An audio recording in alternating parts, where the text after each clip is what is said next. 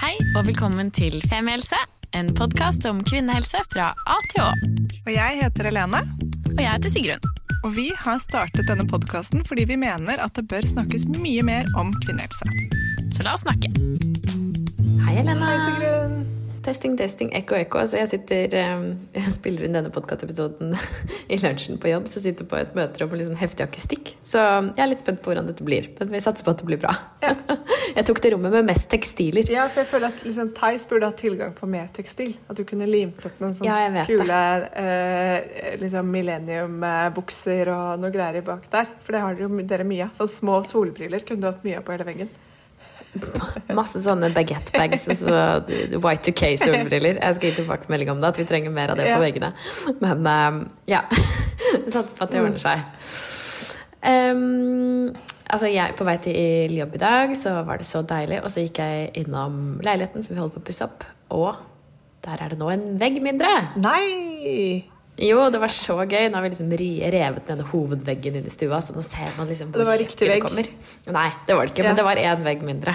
Eh, Nei, det var så gøy. Og så er det veldig gøy start på dagen. Min strategi er jo å være innom ganske sjeldent, sånn at hver gang jeg er innom, så er det skjedd store Men det er faktisk veldig gøy, og det er noen prosesser sånn Jeg har totalpusset opp den, ja, noen leiligheter siden, og det er veldig gøy når du kommer inn og plutselig bare ser de store endringene. Jeg hadde malere som hjalp meg med å male da, fordi det var hele leiligheten, og jeg var singel, så jeg orket ikke å gjøre det alene, eller liksom stole på at folk hadde kommet og hjulpet meg. Og så hadde jeg valgt en sånn mørkegrønn farge til hele stuen og kjøkkenet. Og så var jeg livredd for liksom, egentlig hvordan det skulle bli, og så husker jeg kom akkurat da maleren gikk, og så så jeg at han hadde en sånn mørkegrønn flekk på nesa. Så jeg skjønte at nå hadde denne malingen blitt påført.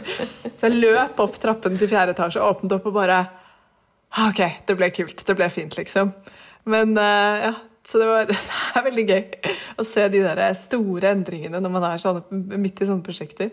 Altså Det som er litt gøy, Lene, er jo at eh, siden vi ble kjent, så har jo du på en måte vært gjennom flere leiligheter. Mm. Uh, som er ganske morsomt sånn jeg, vet, ja, jeg husker jo veldig godt den leiligheten vi snakker om nå, og på en måte hva som skjedde i livet da. Det var akkurat da vi startet Femi helse, og jeg husker du hadde en sånn høst, nei, en peisfest, blant annet. Mm. Og vi to hadde matchende, veldig sexy bodyer. Det er ikke så ofte vi går i det lenger. Uh, og danset, og det var veldig gøy. Mm. Så det, vi, kanskje vi må lage en sånn lite, en liten karusellpost med alle dine Du leiligheter. skal ikke se bort fra det.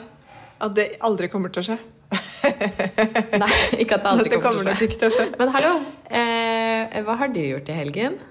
Ledende spørsmål? Ledende spørsmål. Mm. Jeg har vært på eh, eh, mitt første doula-kurs. Wow! Ja. Da var jeg selvfølgelig spent på en rekke ting.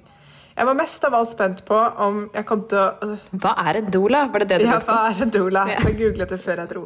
Nei, men Jeg var oppriktig jeg, tenkte, jeg fikk sånn panikktanke som var sånn Ok, jeg har gått veldig hardt ut nå og sagt at jeg skal bli doula, men hva om jeg kommer på kurset og syns det er kjempekjedelig? At du liksom var sånn der etter to timer inn i kurset, så bare oppe sånn sitter må liksom klype deg selv i armen for ikke sovne og spise sukker for å bare holde det gående, liksom. Og at alt er bare sånn Å nei, det her orker jeg ikke å høre noe mer om. Eh, men heldigvis så var det ikke det. Det var skikkelig spennende. Og eh, jeg var selvfølgelig liksom spent på hvor mye kan man lære på en helg, men dette var kurset het smertelindring under fødsel. Og da kan du faktisk lære ganske mye på 16 timer. Da får du på en måte en, eh, en ganske god innføring i mye, mange teknikker. Da. Og så finnes det selvfølgelig 10 000 teknikker til, og metoder og øvelser og mester og alt det der. Men det ga en veldig sånn trygghet da, når jeg hadde på en måte når jeg, gjennomførte da denne helgen, så kjente jeg sånn okay, Shit, nå har jeg faktisk noe å bidra med inn på en fødestue der. I stedet for bare moral support og liksom tommel opp, dette går bra. så nå føler Så ja. Så, så det var, det var, veldig, det var betryggende på de to tingene. En, jeg syns det var skikkelig spennende, ikke kjedelig. To, jeg føler nå at jeg har mer å bidra med enn bare positiv tilstedeværelse. Altså, bra. Ok, check, check. Det var en god update på, på dola, mm. dolaismen. Mm. Og fra uh, fødsel, så uh, Fra fødsel til fertilitet kan vi jo på mange måter si, for i dag skal vi jo uh, ha besøk, eller vi har allerede egentlig besøk av Mari Fevåg Heger. Velkommen til oss. Tusen hjertelig takk.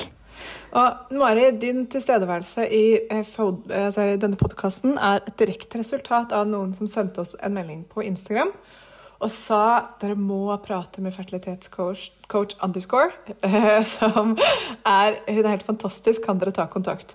Og så ble jeg liksom, Vi har sagt med en som heter fertilitetscoachen, men det er jo eh, flere som heter noe liksom litt lignende. Men vi hadde ikke pratet med deg, og jeg syns du hadde så fin profil, og tenkte ja, det syns jeg. Det syns jeg vi absolutt skal gjøre. Og vi hadde en veldig hyggelig prat på telefonen, og derfor så sitter vi nå her, calling live, fra eh, Trondheim til Oslo. Um, så det er en oppfordring til dere som hører på. Når dere sender oss liksom disse gode navnene, så er det veldig lett for oss å ta kontakt. Da blir vi veldig sånn Ja, takk som byr. Det takker vi ja til. Det skjer. Og så var det så fint at du da også sa ja da, Marit, til å være med på podden og snakke litt og dele litt av din kunnskap. Jeg syns jo også at det er utrolig rørende og tar det til meg, virkelig. At, uh, at, noen har sendt inn et ønske om å ha med meg i poden sammen med dere. Det betyr masse, det, altså. Mm, så hyggelig. Kan ikke du begynne, Mari, med å introdusere deg selv? Fortell hva du heter, og hva du driver med, og hvordan du har endt opp med det. Det kan jeg gjøre. Jeg heter Mari Fevåg Heger. Jeg jobber som fertilitetscoach. Jeg har jobba med fertilitetspasienter i åtte år på Medikus Medicus fertilitetsklinikk i alle år. Starta egentlig å jobbe med rent praktisk eh, inn i fertilitetsbehandling, så at jeg har fulgt opp pasienter gjennom egguthenting, egginnsett, ultralyder, sprøyteopplæring, og hatt den delen av behandlinga ganske tett innpå i tre år ca. Og siste da, fem årene så har jeg jobba mer og mer reindyrka som fertilitetscoach. Og i min rolle som fertilitetscoach så er egentlig den største, ja, største målet med den jobben er å gjøre eh, reisen og prosessen litt lettere eh, for de parene som jeg møter. Um, og det er gjennom samtaler. Stort sett så er det én-til-én-samtaler jeg har. Uh, og det er både med single, og det er med par, likekjønna, heterofile. Og det er at en av dem møter opp noen ganger, uh, og noen ganger som par. Så det er veldig forskjellig. Og da er det all mulig tematikk som er knytta til den mentale Altså mye mental slitasje, rett og slett. Og emosjonell slitasje når det å få barn ikke blir så enkelt som man hadde sett for seg.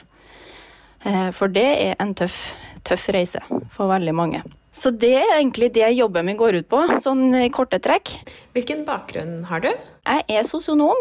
Og så jeg, eh, har jeg tatt videreutdanning innenfor terapi, egentlig mest knytta mot ungdom. Ja. Eh, og så har jeg tatt eh, coachingutdanning. Hvordan endte du i fertilitetsverden da? Det er jo fordi jeg har vært der sjøl. Jeg kan ikke si noe annet enn at det er derfor. Eh, fordi fertilitetsverden for meg før jeg selv var i den situasjonen at jeg hadde lyst på barn, og opplevde at det ikke ble så enkelt for oss heller, det var litt sånn som jeg møter veldig mange holdninger i dag, at det er bare å slutte på p-piller, og så blir du gravid, og så det, løser det seg. Du er ung og frisk og rask og sprek, så det går sikkert helt fint. Det var min holdning på det tidspunktet før vi starta. Så jeg hadde ikke noe, for, egentlig noe tanke om at det var infertilitet heller, på det tidspunktet. Noe som het en gang. Men etter at vi har Etter vår prosess da jeg ble gravid med vår eldste, eh, etter seks uttak med IVF-behandling og to år prøving på egen hånd, så kjente jeg jo meg veldig ivaretatt på klinikken jeg fikk behandling. Eh, men jeg kjente også at her er det for lite fokus på hva det gjør med et menneske, hva det gjør med et par å leve i et samfunn som også er så familieorientert. Å streve med det her helt alene, det ble en så stille sorg for meg som jeg ikke hadde ord på. Så her må vi være flere som snakker mer om det her. Så det var egentlig det som gjorde at uh, brannfakkelen inni meg ble vekt knytta til feltet her, og kanskje kan jeg bruke uh, både erfaringer og min faglige kompetanse i noe positivt til det her, da. Mm. Ja, for hva, hva kan det gjøre med et menneske? og da tenker jeg kanskje spesielt på å være i fertilitetsbehandling over lang tid. da. Mm. En ting er jo selvfølgelig det å erkjenne at man trenger litt hjelp, men mm. når man har vært der en stund Det er, Jeg pleier ofte å se det på sånn at vi legger, hvis vi har masse å gjøre i hverdagen vår, eh, så kan vi ofte kunne kjenne på en form for stress. Men hvis vi får sluttført det vi jobber med, så kjennes det veldig overkommelig ut å ha mye å gjøre. Eh, I en fertilitetsbehandling så legger du ned så mye innsats, og du legger ned så mye tid og krefter, og for mange også mye penger, i et prosjekt som ikke nødvendigvis gir noe resultat. Sånn at ubalansen mellom det du gir og det du får, den blir veldig skeiv helt frem til du lykkes. Og for mange da, som opplever at det her drar ut i måneder i år, så blir den ubalansen enormt stor. Som gjør at uh, den psykiske belastninga av å kjenne at du mister på en måte litt av deg selv, det er det veldig mange som opplever. Uh, ikke bare litt, mye også. At man kjenner at man blir en annen versjon, en annen person enn den man egentlig liker å være. Jeg gleder meg f.eks. ikke over venninners graviditet. Jeg klarer ikke å være Eh, forståelsesfull og imøtekommende, selv om jeg krever at andre skal være det for meg. Det er mye sånne følelser der som gjør, gjør det vanskelig. Og så er det jo en sorg over at at det ikke ble sånn som jeg hadde skjedd for meg, og en redsel over hvordan vil fremtida mi bli hvis det her ikke går. Hvem er jeg om jeg ikke får lov til å være mamma? Hvilken verdi har jeg som bare meg? Hvordan vil alt bli? Det er masse sånne eksistensielle spørsmål som dukker opp, som er vanskelig å lande. Eh, fordi man jobber jo fortsatt for å få barn, samtidig som man er redd for at det ikke skal skje. Så det er en sånn kamp mellom håpløshet og håp hele tida. Um, så det, og det som jeg syns er interessant, er jo at mange syns det er veldig godt at vi snakker om at fertilitetsbehandling er en sorg. Vi lever med en sorg. Fordi mange kan jo relatere seg til at sorg handler om at man taper noen man er glad i, eller har mista at noen dør. At det er det vi knytter ofte sorg til. Mens i en fertilitetsbehandling så har du ikke noe tap av noen relasjon. Men du har tap av identitet. Altså ved en abort f.eks. så taper du identiteten din som gravid. Du, ident du, taper identitet av den du er vant til å være. Den, mange er vant til å være omsorgsfull, interessert, glede seg på andres vegne, og så plutselig er du ikke i kontakt med den lenger. Eh, så det er jo en tap av identitet som utløser sorg, og så er det tap av mening med livet. Fordi det å ønske seg barn er jo noe som ligger veldig eksistensielt i oss mennesker. Og når det blir satt på prøve, så, så blir vi urolig, rett og slett. Og det, den her tap av mening, det, det, er det veldig mange som kjenner både her og nå. At alt handler om barn og forsøk, og i tillegg tap av mening med usikkerheten knytta til hvordan blir fremtida mi, når skjer det her, og vil det skje i det hele tatt, liksom. Men hvordan jobber du med disse følelsene da, Mari, i møte med dine klienter? Jeg jobber, eh, hvis man skal si det veldig enkelt, så jobber jeg for å ikke kjempe imot dem, men bli kjent med dem. Og det er Veldig mange kommer til meg kan du, altså, kan du hjelpe meg å bli kvitt denne dritten?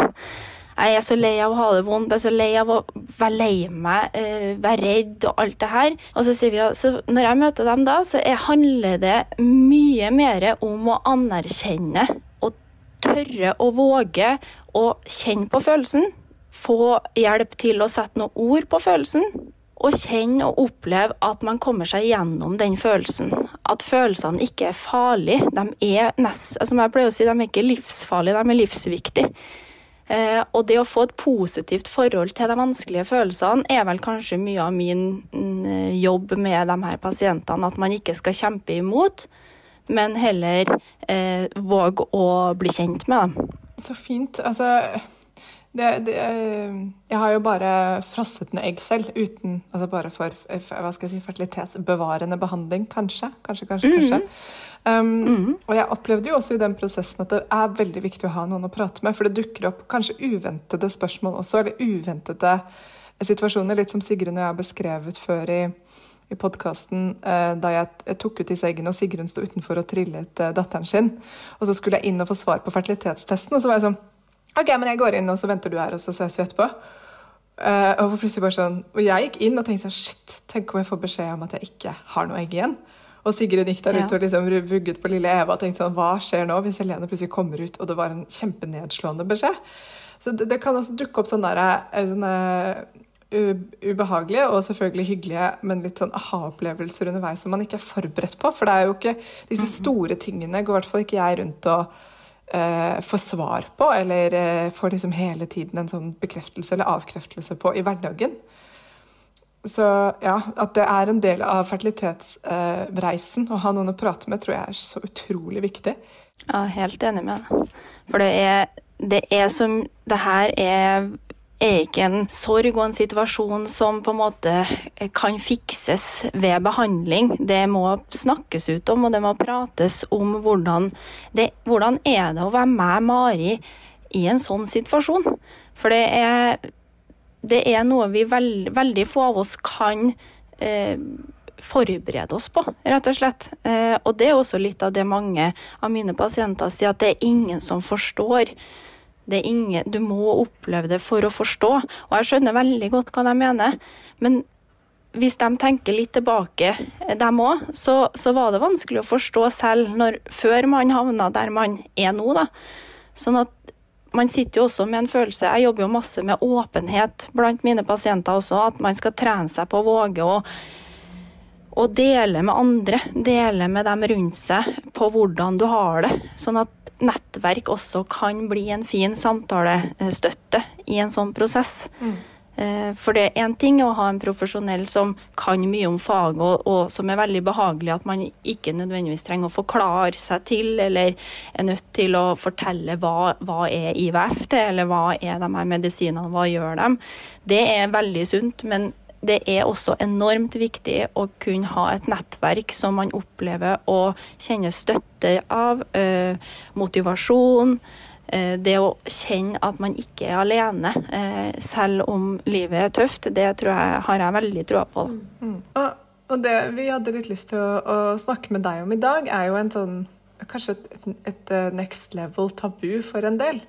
Nettopp mm. det at hvis man har jeg tror ikke det har noe å si om man har prøvd lenge eller kort, men uansett så, så uh, er det en del som opplever at når de da uh, faktisk blir gravide, Uh, og det går bra, ikke sant? og det er på vei mot en fødsel, så opplever man ikke de positive følelsene man har gått og ventet på i kanskje år. da.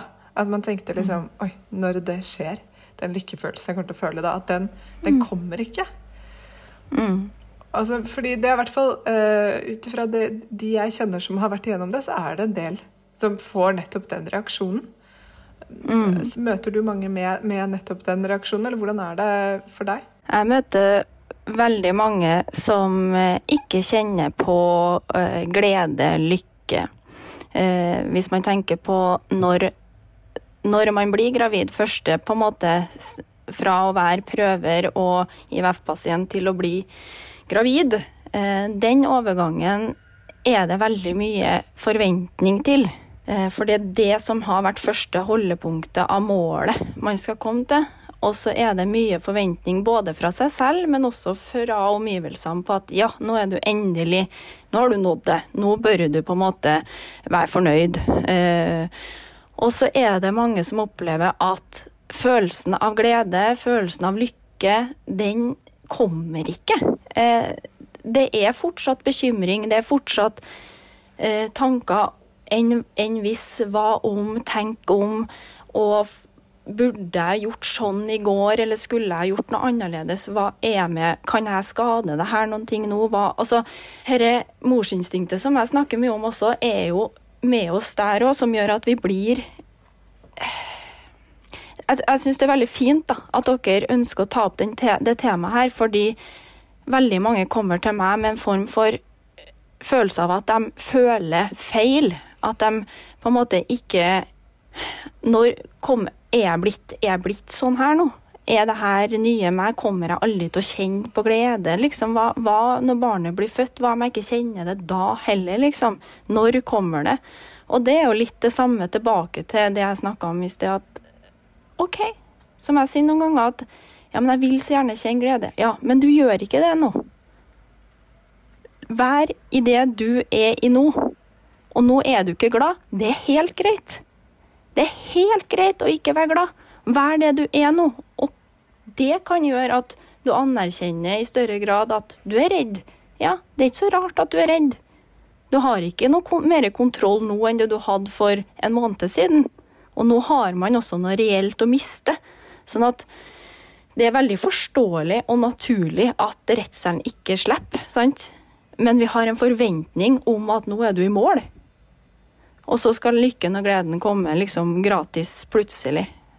Og det, det gjør den ikke. Til, til, det er klart, det her er jo altså, Noen kjenner jo på det, og det kan være Det er viktig å understreke at det er, varia, altså det er varianter. Noen kjenner litt glede, og mange kjenner på en lettelse over at man kan bli gravid. Eh, men den her at man plutselig ikke er bekymra eller ikke redd, ikke lei seg, ikke, men bare glede og lykke, det er det svært få som gjør. I hvert fall er min, min opplevelse det. Har du noen kjennskap til også hvorvidt det kan være på en måte rent hormonelt også? At man ikke kjenner på denne enorme lykkefølelsen? Det er jo den største hormonelle bomba vi skal gjennom, er jo å være gravid. Eh, og så har du i forkant gått på en del hormoner i behandlinga. Eh, og kroppen bruker jo en del eh, krefter på å på en måte og, og, Som jeg i hvert fall har skjønt det, da, om det er helt rett eller ikke, det vet ikke jeg, men i hvert fall at den bruker, den bruker krefter på å regulere hormonene dine. Eh, som gjør, igjen kan påvirke følelsene våre, og hvordan vi regulerer dem, og vi, hvor sterke og svak de blir. Da. Og det Så jeg tror, uten at jeg vet 100% sikkert, at, at hormonene i det her, det kan være med å påvirke følelseslivet vårt og det emosjonelle aspektet rundt situasjonen. Det tror jeg. For det Jeg opplevde meg jo sjøl som kanskje den verste versjonen av meg sjøl når jeg var gravid, enn da jeg var i behandling. Mm. Mm. Mm. Ja, jeg kjente også på en enorm nedstemthet under hele min graviditet som ikke hadde noe med frykt å gjøre. For det var ikke ikke ja. en følelse jeg kjente på. Men som var bare som ja, en veldig eh, mangel på, på, lykkefølelse, rett og slett. Og jeg mhm. kjente jo veldig på at det var eh, tabubelagt. Og nå hadde jo ikke vi eh, forsøkt lenge, og var veldig heldige sånn. Eh, men nettopp den forventningen fra alle rundt, mm -hmm. at alle var sånn 'Herregud, så gøy, mm -hmm. så spennende! Ja. Gleder du deg?' Jeg var sånn 'Ikke spør'. ja. Fordi jeg orker ikke å svare. Var du åpen om at du kjente? Eh, ja. Jeg prøvde det, ja. Mm. Men um, jeg var også på litt sånn Jeg orket ikke å snakke om det. Fordi, uh, og alltid måtte si sånn Ja da, det er gøy, men jeg gleder meg egentlig ikke så veldig. Jeg syns ikke det er så hyggelig. Nei. Det blir også litt slitsomt etter hvert. Ja, jeg skjønner godt hva du mener. Mm. Ja, og det interessante var jo også at når du liksom Fordi det var jo ikke som at du hadde sånn kjempelyst til å prate hele tiden om at du var gravid, fordi du orket nettopp ikke å komme i den situasjonen. Men når du gjorde det, så var det jo veldig mange som nikket anerkjennende. ikke sant? Når du sa sånn 'Jeg syns dette her er uh, sånn passe' ja, fysisk form, men jeg føler meg ikke sånn på topp. Så var det jo veldig mange som var sånn Yeah, I vet hva du snakker om, liksom. Det der, eh, ja. Så det er liksom så rart, og det er noe jeg også vokter meg litt for når hvis noen sier at de har blitt gravide til meg. Så leser jeg veldig på meldingen eller måten de sier det på, hvordan jeg responderer. Det er ikke alltid at jeg går inn i mm. 'Å, neimen, gratulerer!' Altså, Noen ganger så sier jeg liksom 'Oi, så spennende. Hvordan føler du deg? Eh, mm. Og så kommer liksom Nei, du er mye sliten, eller eh, jeg er lei meg, eller det går ikke så bra med kjæresten. Det kan komme så mange andre ting enn hvis du bare sier 'oi, gratulerer' med bare sånn kjempehøy tone i stemmen. For det er ganske vanskelig mm. å svare tilbake på det også da, med å si sånn ja, men jeg tror kanskje jeg er svangerskapsdeprimert, eller jeg føler bare ikke at dette her er trygt. Jeg er livredd. ikke sant? Så det er sånn mm. Det er eh, noe med hele måten hvordan vi skal respondere på en graviditetsnyhet også, som gjør, mm. Eh, som gjør det litt vanskelig da, å være spontant ærlig hvis ikke det er en veldig nær relasjon. Tror jeg. Ja, jeg er helt enig. Eh, og, og så er det jo litt sånn den her forventninga som man har selv, også spesielt hvis man har vært prøver i lang tid, at, at det ligger så mye forventning til den positive testen der. Mm. Eh, at eh, når den gleden da ikke dukker opp, så blir man litt skuffa.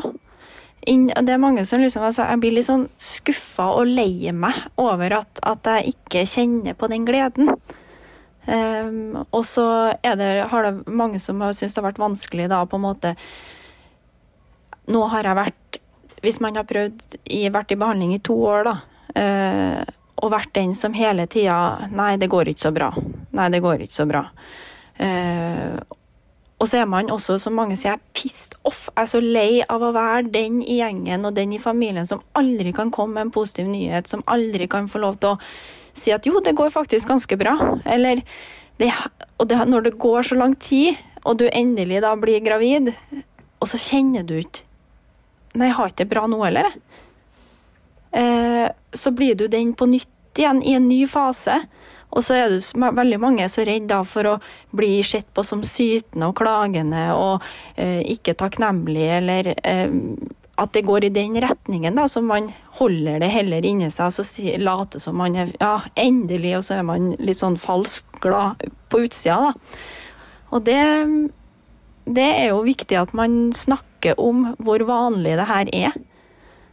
Både om man er sånn som dere beskriver godt, både om man er prøver som, det, som, når man får det til raskt på egen hånd, eller, eller om man har vært prøver i lang tid, så er det en del ting som skjer med kroppen vår og det emosjonelle og mentale når vi blir gravid, altså, som vi ikke styrer. Mm. Det er jo ikke sånn at man har lyst til å være lei seg et helt svangerskap med vilje. Nei, og ikke minst har man jo ikke veldig lyst til å bli svangerskap, eller altså fødselsdeprimert heller. Det er jo noe med å anerkjenne at dette er ikke ting vi kontrollerer. ikke sant? Det er Nei. instinkter, det er eh, hormoner, det er Hvis det sto på vilja, så hadde vi jo bare gått rundt og vært happy hele gjengen hele tiden. ikke sant? Yes.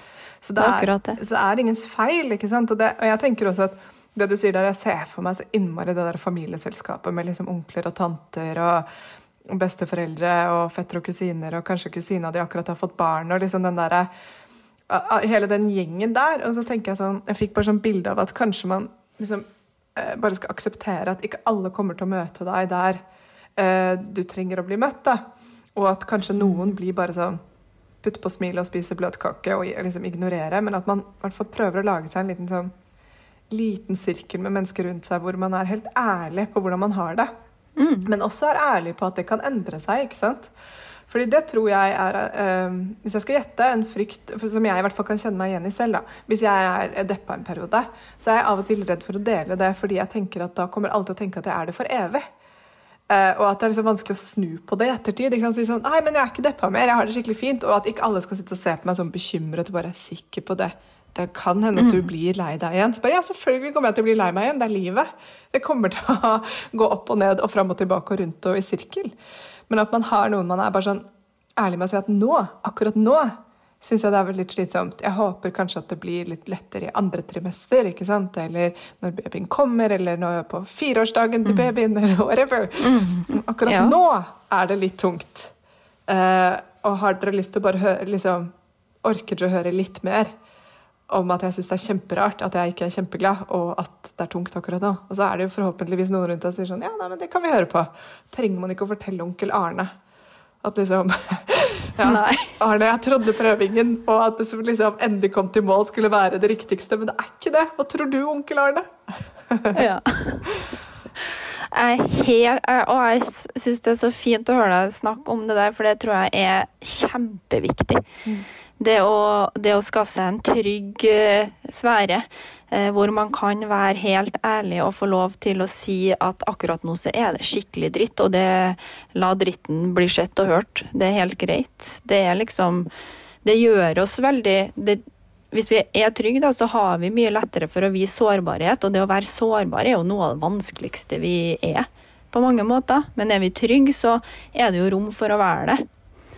Uh, og jeg da, da har jeg òg veldig, veldig troa på, og erfarer også at det er veldig mye som løser seg litt òg, bare ved å få lov til å si hvordan man har det.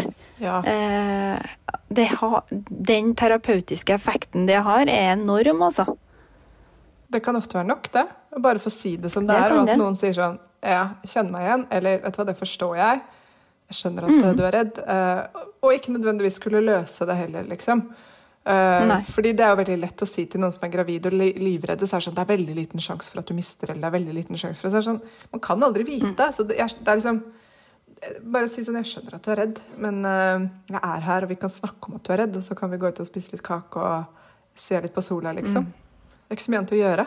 Nei, det er ikke Og det er litt sånn Følelser de kan jo ikke fikses. De må lyttes til og anerkjennes, og så går de over. Ja. Men uh, rasjonell rasjonelle og fornuftige råd i en redselsfølelse, det kommer man ganske liten vei med. For vi vet jo Jeg har jo vært redd. Jeg har jo flyskrekk og har jo vært redd i min egen prosess. Og jeg vet jo rasjonelt sett at det ikke er ideelt av meg å skremme meg opp med katastrofetanker. Jeg vet jo det.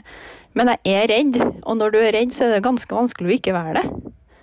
Ja, og du er redd selv om du vet at det er en liten sjanse for at det flyet styrter. Ja. Men jeg kan prøve å ja. si det til deg. Men det er fortsatt liksom ulogisk for deg at det flyet kan fly i lufta når det er så tungt, og fly har styrtet før. Så det er sånn, uansett hva jeg sier, så vet du sånn Men du kan ikke være helt sikker. Men det kan jeg faktisk ikke være. Men skal vi ta en gin tonic før vi går om bord? Men um... Det kan være en god støtte i det. Mm. Men Mari, du som jobber med mange par som, som prøver. Eh, jeg antar at du også jobber med par som har prøvd veldig lenge. Eh, mm. Og som kanskje også har prøvd så lenge at det blir et spørsmål om man eh, skal fortsette behandlingen eller ikke. Hvordan, mm. hvordan støtter du de parene, og er du en del av den eh, beslutningsprosessen? Jeg er med i ganske mange samtaler som vi kaller for litt altså avsluttende samtaler da, knytta til behandling. Um, og det er jo mange ulike uh, inn, Altså det er mye ulikt innhold i de samtalene jeg har med de her pasientene, fordi man har veldig ulik historie. Uh, og man ser kanskje litt ulikt på mulighetene som finnes hvis det ikke går med egne biologiske uh, celler.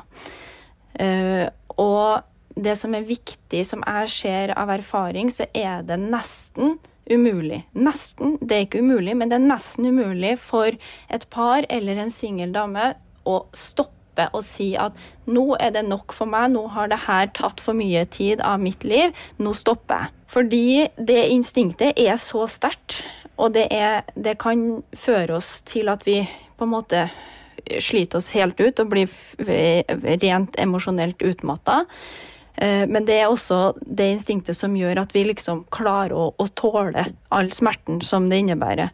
Men når det er nok, så ser jeg jo at de fleste vil gjerne vite at jeg har gjort 100 At det er du 100 sikker, er det spørsmålet hele tida. Er, er dere 100 sikre på at det ikke går? Og det kan jo aldri vi være. Eh, sånn at det å ha med seg en god lege inn i forkant, enten at jeg har snakka med dem, og de har snakka med eh, pasienten sjøl, hvor det er tydelig eh, medisinsk anbefaling på hva legen mener er riktig å gjøre videre, det er kjempesentralt for hvordan de her menneskene lever med det valget i ettertid. Eh, fordi de som har tatt beslutninga selv, har, en, har, jeg hatt tilbake igjen når det er for seint, og de betviler sin egen beslutning. For kunne jeg ha klart litt mer? Hvis jeg tok meg bare en pause på en måned, kunne jeg ha fått det til litt lenger. Hvis vi hadde spart opp eller spurt, turt å spørre mamma og pappa om penger, kunne vi hatt råd til et forsøk til. Det som herre og det her er jo så Det som jeg opplever, det, hvor viktig altså, legen har å si i en sånn beslutning, er Altså, det, det har kjempemye å si. Eh, fordi da lener man seg litt på OK, det er mye lettere å ta en beslutning hvis jeg får beskjed om at det her er Nå er det nok. Nå har dere gjort alt dere kan, og nå sier vi stopp med behandling. Eh, og så kommer jo det selvfølgelig både mental og emosjonell bearbeidelse knytta til den beslutninga. Og der er det jo et, eh, et, Det er jo et svært felt, eh, hvis man skal gå inn på det nå, da. Men eh, jeg hadde jo en samtale her nå rett før helga med ei som som eh, Og det her får jeg faktisk lov Jeg har sagt at jeg skal i, i podkast med dere, bare så at det er viktig å presisere at jeg anonymt får lov til å på en måte dele litt hennes erfaring fra vår samtale. Og hun har jo holdt på lenge. Enormt lenge. Og nå er det nok. Og hun har sagt hele tida at 'jeg tåler det her, jeg tåler det'. Og så nå merker jeg så godt at det er ikke så mye tvil lenger. Jeg har tvilt på om det har vært nok en god stund. Nå er jeg ikke i tvil lenger. Nå er det nok. Og den den innsikten der, den bruker jeg ganske mye i samtaler òg. fordi at hvis vi er i tvil, hvis vi er 60% i tvil, så skal du nok fortsette hvis det er medisinsk greit. Men hvis du sånn, kjenner at nå er det nok, så er det Det er veldig mange som kjenner den. Ja. At nå har det Nå er det ikke tvil lenger, det er nok. Mm. Det, det, er litt rart også, det med fertilitet og det å kjenne. Jeg tror også, mm. Det er som du sier, at, plutselig, at det plutselig blir sånn Nei, nå er det nok. Nå er det liksom Ja. ja. Og selvfølgelig at eh, medisinen i dag kan hjelpe oss og Man kan dra til Spania og få dobbeltdonasjoner og dyrke embryo lenger. og Det er veldig veldig mange liksom, trinn i den medisinske behandlingen både i Norge og i utlandet nå. Mm. Så man kan mm. strekke tvilen ganske langt. Men for mm. noen så stopper det jo Det er jo ulike nivåer det stopper for den enkelte. ikke sant? For det er det. Og det er jo ikke noe fasit på det. Overhodet ikke. Men jeg, jeg syns den er kjempeinteressant, fordi det er nettopp det. Det er ikke noe fasit på det når den tvilen er liksom Den er ikke der. Nå er det nok. Det der, det, mm. det skal jeg ikke. Uh, mm. Og det syns jeg er jeg, jeg, tror liksom også at det er kanskje noe man skal tenke, lene seg litt på. da, At man vet litt selv når man skal gi seg. Og så mm. selvfølgelig sammen med en lege. Hvis legen sier det før du vet det selv, så er det noe annet. ikke sant? Mm. Men hvis det er sånn at legen sier ja, kan, kanskje, kanskje, kanskje, kanskje Plutselig mm. så vet man det litt selv, at nå er det nok. Mm. Og så begynner den prosessen. Ja, og der er det jo viktig, syns jeg, da, at eh, når vi har behandling eh, og tilbyr behandling, så er det også For det er jo store variasjoner på mulighetene parene som kommer til oss har for å faktisk bli gravid, for å lykkes med behandlinga. Eh, og den ærligheten er viktig eh, fra første stund. At man vet sine egne forutsetninger uten at vi kan si helt eksakt hvor, mange, hvor, når, hvor stor sjanse det er, men at man snakker om sin, deres, faktisk deres realistiske situasjon. Eh, det er viktig, for det er ganske mange eh, eldre, og da snakker vi jo og så snakker vi rundt 40 som kommer til behandling, eh, som er overraska over hvor liten sjanse de har til å bli gravid da, med hjelp. Mm. Og så øh, vil jeg bare øh, legge til et punkt når det kommer til det å bestemme seg for at man ikke skal mer. Mm. Og det er at vi som menneskehet kanskje ikke da skal umiddelbart foreslå men du kan jo adoptere. Jeg syns bare man ikke skal si det. Fordi det er Helt sånn, enig. Det er sånn der, Når noen går igjennom en fertilitetsprosess, og det kanskje er at man er prøver i mange mange år Selvfølgelig har mm. tankene om adopsjon vært innom hodet ditt ti ganger om dagen. Og man mm. har vurdert ja eller nei, kanskje man til og med har liksom begynt å, å, å startet på prosessen. ikke sant? Men altså, det der velmenende rådet sånn Men du har ikke tenkt på adopsjon, da? For jo, selvfølgelig har jeg Hæ, hva mener du hva er adopsjon? Hvordan gjør man egentlig det? Bare, kan du fortelle meg litt ja, om det? Du, du som kan så mye ja. adopsjon. Den er, ok, Men i regel, hvis man den eneste, du kan si, den eneste som får lov til å si det, er hvis du faktisk jobber med adopsjon. Da kan du få lov til å mm. si det. Du har ikke tenkt på adopsjon. Jeg kan absolutt alt om adopsjon, så du kan stille meg alle spørsmål du har. Da kan man si det. Ja. ja. Fordi det er ikke og så er det ikke det å gå videre til adopsjon eller adopsjon eller eh, donasjon, da. Mm. Det er eh, Man skal være forsiktig med å, å, å, legge frem det som en selvfølge, at det er selvfølgelighet for veien videre, for det er det heller ikke for alle. Eh, og ofte så kan noen av dem jeg har snakka med som velger å leve da livet uten barn, så det, må det også være greit. Eh, og det er ditt valg, faktisk. Mm. At mitt ønske om å få biologiske barn, det er så sterkt at det å bli mamma er ikke lineært. Sånn at jeg, det å bli og det, det, de opplever litt da, er jo et sånt press om at man er fryktelig egoistisk. Sant? At hvis jeg ikke kan få mine egne biologiske, så, så, er det ikke godt nok, liksom. Og det å ikke da hjelpe barn som, som har det vondt, Eh, når du sitter i en situasjon hvor du har mulighet til det, for du har jo et veldig ønske om barn, har du ikke det?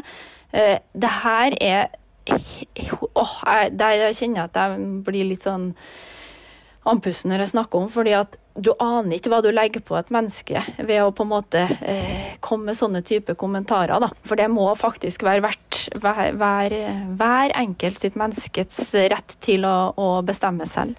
Virkelig, og der tenker jeg også at det, den, den, følelsen av å ønske å adoptere skal på en måte eller eh, kan komme fra det samme stedet som ønsket om å, å, å få biologiske barn. Det er, like, altså, det er en like sånn sterk driv i det, og hvis ikke den er der, så er den ikke der. Nei. Og det å adoptere er noe helt annet. Det kan være, det er også en mange, mange, mangefasettert liksom, versjon av det.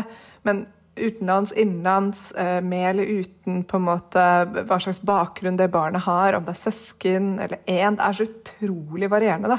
Så å si adoptere det er ikke det samme som å bære fram sitt eget barn og føde. Det er absolutt det samme når det kommer til at man blir foreldre, for det blir man.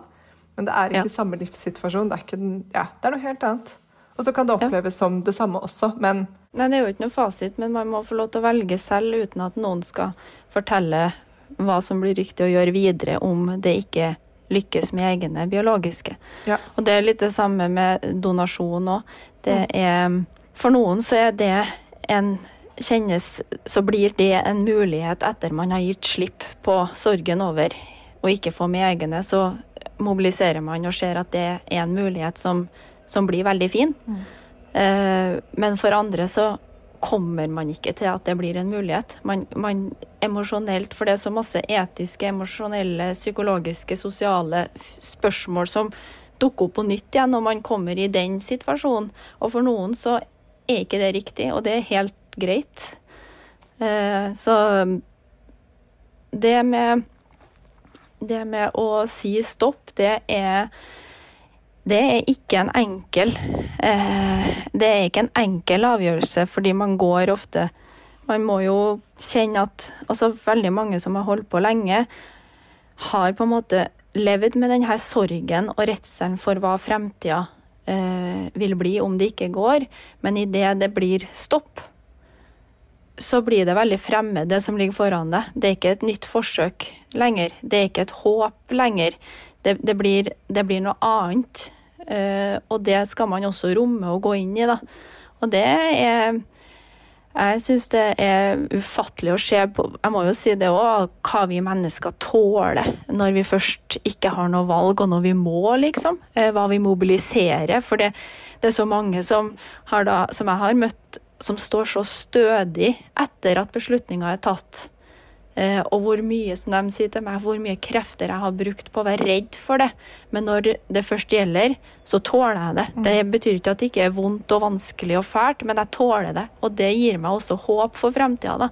Og det er så fint å se eh, hva vi mennesker mobiliserer når vi bare når vi har noe håndfast, i større grad enn denne usikkerheten som er knytta til fertilitetsbehandling. Hun lever jo i en traumatisk usikker situasjon. Og det tror jeg er den som er mest krevende. Ja, det gir veldig mening. Og det å liksom kunne faktisk føle at man er litt i kontroll igjen og kan begynne å planlegge på en annen måte osv. Så, videre. så ja. Åh, Mari, så tusen takk. Så utrolig fint å prate med deg. Det kunne ja, pratet i timevis. Vi anbefaler jo Stort tema med store følelser. Ja, virkelig. Ja, det er det. Ja, ja. Eksistensielt tema på aller høyeste nivå. Det er jo utrolig hyggelig at dere hadde lyst til å prate med meg. For jeg, kjenner at jeg, jeg, blir varm om hjertet når jeg prater om det. For det er så mye fine, ressurssterke folk som, som strever en litt sånn stille kamp. da. Og jeg er så glad for at vi er altså samfunnet beveger seg i riktig retning, da, knytta til åpenhet og om kvinnehelse, men også med infertilitet. At vi, vi, er på riktig vei. Det, det, det syns jeg er fint, i hvert fall. Mm. Nei, tusen takk for tiden din, Mari. Og um, ja, takk for praten. Um, vi gleder oss til å dele denne episoden og håper at den kan være eh, informativ og til nytte både for deg som kanskje er i en prosess, men også deg som kjenner noen som er det. Og så um, snakkes vi igjen neste uke. Det gjør vi. Takk for at du hørte på. Ha det. Ha det. Ha det. Tusen takk for at du hørte på podkasten vår. Selv om det forhåpentligvis kommer tydelig frem, så vil vi understreke at vi ikke er helsepersonell. Ja, så Som vanlig, kontakt legen din om du har noen spørsmål, eller om du skal begynne på noen form for behandling. Og Har du et tema som du har lyst til at vi skal snakke om, eller noe ris eller ros, så send oss gjerne en melding på Facebook eller på Instagram. Der finner du oss under Femihelse. Mm. Og du kan gjerne rate oss på iTunes, det er skikkelig hyggelig for oss. Ha en fin dag. Ha en kjempefin dag.